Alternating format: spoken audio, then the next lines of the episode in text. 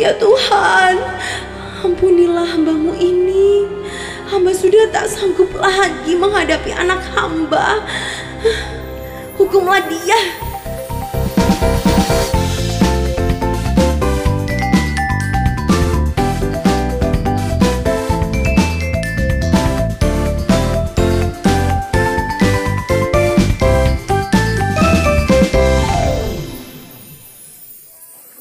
Anak-anak, ayo coba keluarkan bekal kalian. Kita makan bersama-sama ya. Baik, Bu.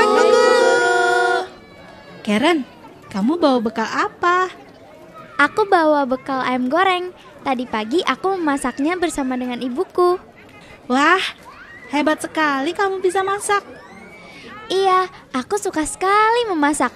Aku suka membantu ibu di dapur kalau sedang memasak. Wah, aku juga ingin belajar memasak ah. Anak-anak, sebelum makan mari kita berdoa ya. Bagus, pimpin doa teman-temanmu. Yuk teman-teman, mari kita berdoa bersama-sama ya. Berdoa mulai. Berdoa selesai. Selamat makan anak-anak. Selamat, makan, Ibu Guru. Bu Guru, sambil cerita dong. Hmm, ibu punya satu cerita tentang batu menangis. Begini ceritanya.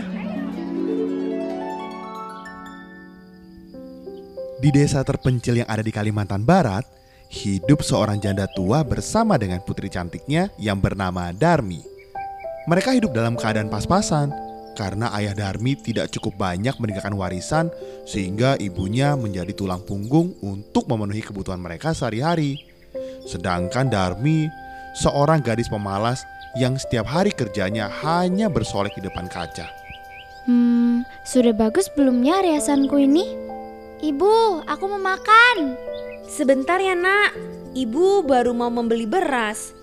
Ibu baru ada uang buat membelinya. Belum lama ibunya selesai bicara, Darmi langsung meminta hal lain kepada ibunya.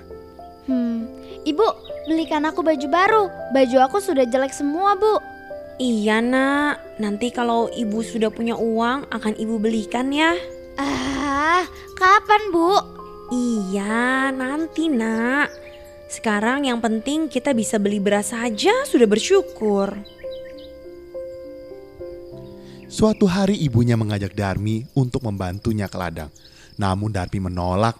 Nak, ayo ikut ibu ke ladang. Bantu ibu nak. Ah, nggak mau ah, Bu.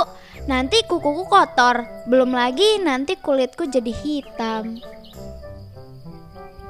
Ibu sudah mulai tak kuat bekerja di ladang nak.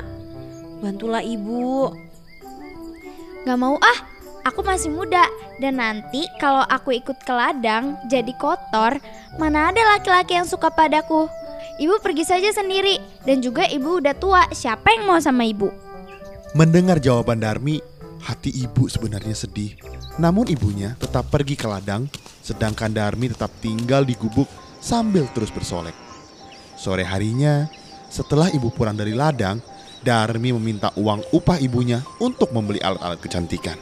Ibu, beri aku uang. Untuk apa nak? Coba lihat, bedaku habis. Aku ingin beli lagi, Bu. Jangan dulu nak. Uang ibu sudah habis. Tinggal upah ini untuk beli beras.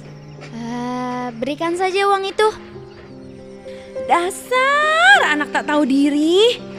Kamu hanya tahu bagaimana cara menghabiskan uang, tapi tidak mau bekerja. Namun, meskipun ibunya kesal kepada Darmi, ia tetap memberikan uang itu kepadanya. Keesokan harinya, Darmi minta uang lagi dan lagi kepada ibunya untuk membeli alat kecantikan lainnya. Ibu, aku minta uang lagi. Untuk apa lagi nak? Lipstikku habis, Bu. Aku mau beli lagi. Tapi nak, Mana uangnya? Keadaan seperti itu selalu saja terjadi hampir setiap hari, dan ibunya tidak bisa berbuat apa-apa. Selalu saja ia menurutinya. Suatu hari, ibu hendak pergi ke pasar, dan Darmi berpesan kepada ibunya untuk dibelikan alat-alat kecantikan. Tapi ibu tidak tahu apa yang dimaksud, sehingga ibu mengajak Darmi sekalian untuk pergi ke pasar. Darmi, ibu tidak tahu benda apa yang kamu maksud nak. Ayo kita pergi ke pasar bersama. temani ibu sekalian belanja. Ah, aku tidak mau pergi ke pasar bersama ibu. Tapi ibu tidak tahu benda apa yang kamu maksud, Nak. Jadi ayo kita pergi bersama ke pasar. Ibu terus mendesak mengajak Darmi ke pasar bersamanya. Dan akhirnya Darmi mau pergi ke pasar, tapi dengan satu syarat. Ya sudah, aku mau ikut ibu. Tapi aku tidak mau jalan bersebelahan dengan ibu. Ibu harus berjalan di belakangku.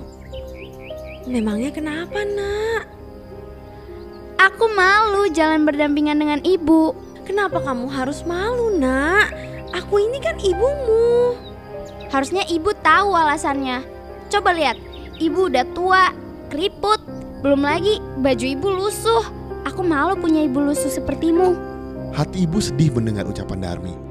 Tetapi ibunya tetap menuruti apa permintaan Darmi dan berangkatlah mereka ke pasar. Darmi berjalan di depan sedangkan ibunya di belakang. Di pasar, Darmi bertemu dengan temannya yang tinggal di kampung lain. Hai Darmi, mau ke mana kamu? Hai, aku hendak ke pasar. Dengan siapa kamu ke pasar? Itu ibumu. Bukan, dia bukan ibuku. Dia hanyalah pembantu. Ibunya kaget mendengar perkataan Darmi. Tapi ibunya hanya diam saja sambil menahan rasa sedihnya. Tidak berapa lama lagi, Darmi bertemu dengan teman yang lain. Hei Darmi, mau ke mana kamu? Aku mau ke pasar. Lalu siapa orang yang ada di belakangmu? Oh, eh, dia pembantuku. Hmm, aku lanjutkan perjalananku dulu ya. Oh iya, sampai ketemu lagi ya Darmi. Ibunya mendengar jawab yang menyakiti hatinya lagi.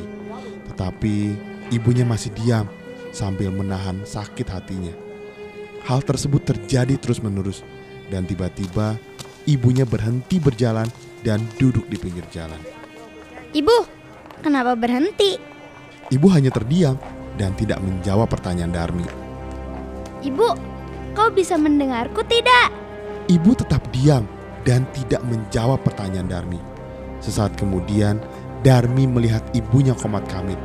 Makin penasaranlah Darmi kepada ibunya. Bu, sebenarnya apa yang sedang kau lakukan? Ibu berdoa pada Tuhan. Ya Tuhan, ampunilah hambamu ini. Hamba sudah tak sanggup lagi menghadapi anak hamba. Hukumlah dia dengan hukuman setimpal Tuhan. Tiba-tiba langit berubah menjadi gelap. Angin kencang pun datang dengan petir yang menyambar-nyambar. Lalu hujan deras pun turun. Tiba-tiba kaki Darmi berubah menjadi batu. Darmi panik dan juga bingung. Ibu, ibu, ada apa dengan kakiku, Bu? Ibunya tetap diam dan tidak menjawab pertanyaan Darmi. Dan lama-lama badannya pun berubah menjadi batu dari kaki hingga kepala. Ibu, badanku tidak bisa bergerak, Bu. Ada apa ini? Sebelum kepalanya berubah menjadi batu, Darmi meminta maaf sambil menangis kepada ibunya. Ibu, maafkan aku, Bu. Aku janji tidak akan mengulanginya lagi. Ampuni aku, Bu. Hukuman itu tidak bisa dihindari. Perlahan-lahan dari ujung kaki hingga ujung kepala, ia berubah menjadi batu. Darmi terus menangis sebelum semuanya berubah menjadi batu. Ibunya melihat air mata terus-menerus keluar sampai Darmi berubah seutuhnya menjadi batu. Banyak orang yang sedang lewat menyaksikan kejadian itu. Tak lama dari itu, cuaca berubah kembali menjadi cerah. Oleh warga setempat, batu Darmi diletakkan di pinggir jalan bersandar pada tebing. Dan oleh masyarakat setempat, batu itu diberi nama Batu Menangis. Seperti itu anak-anak cerita batu menangis. Tega banget ya si Darmi sama ibunya. Betul, makanya kita tidak boleh berkata kasar kepada orang tua kita. Kita harus rajin membantu ibu dan harus menghormatinya apa pun keadaannya. Baik, Ya, Bu.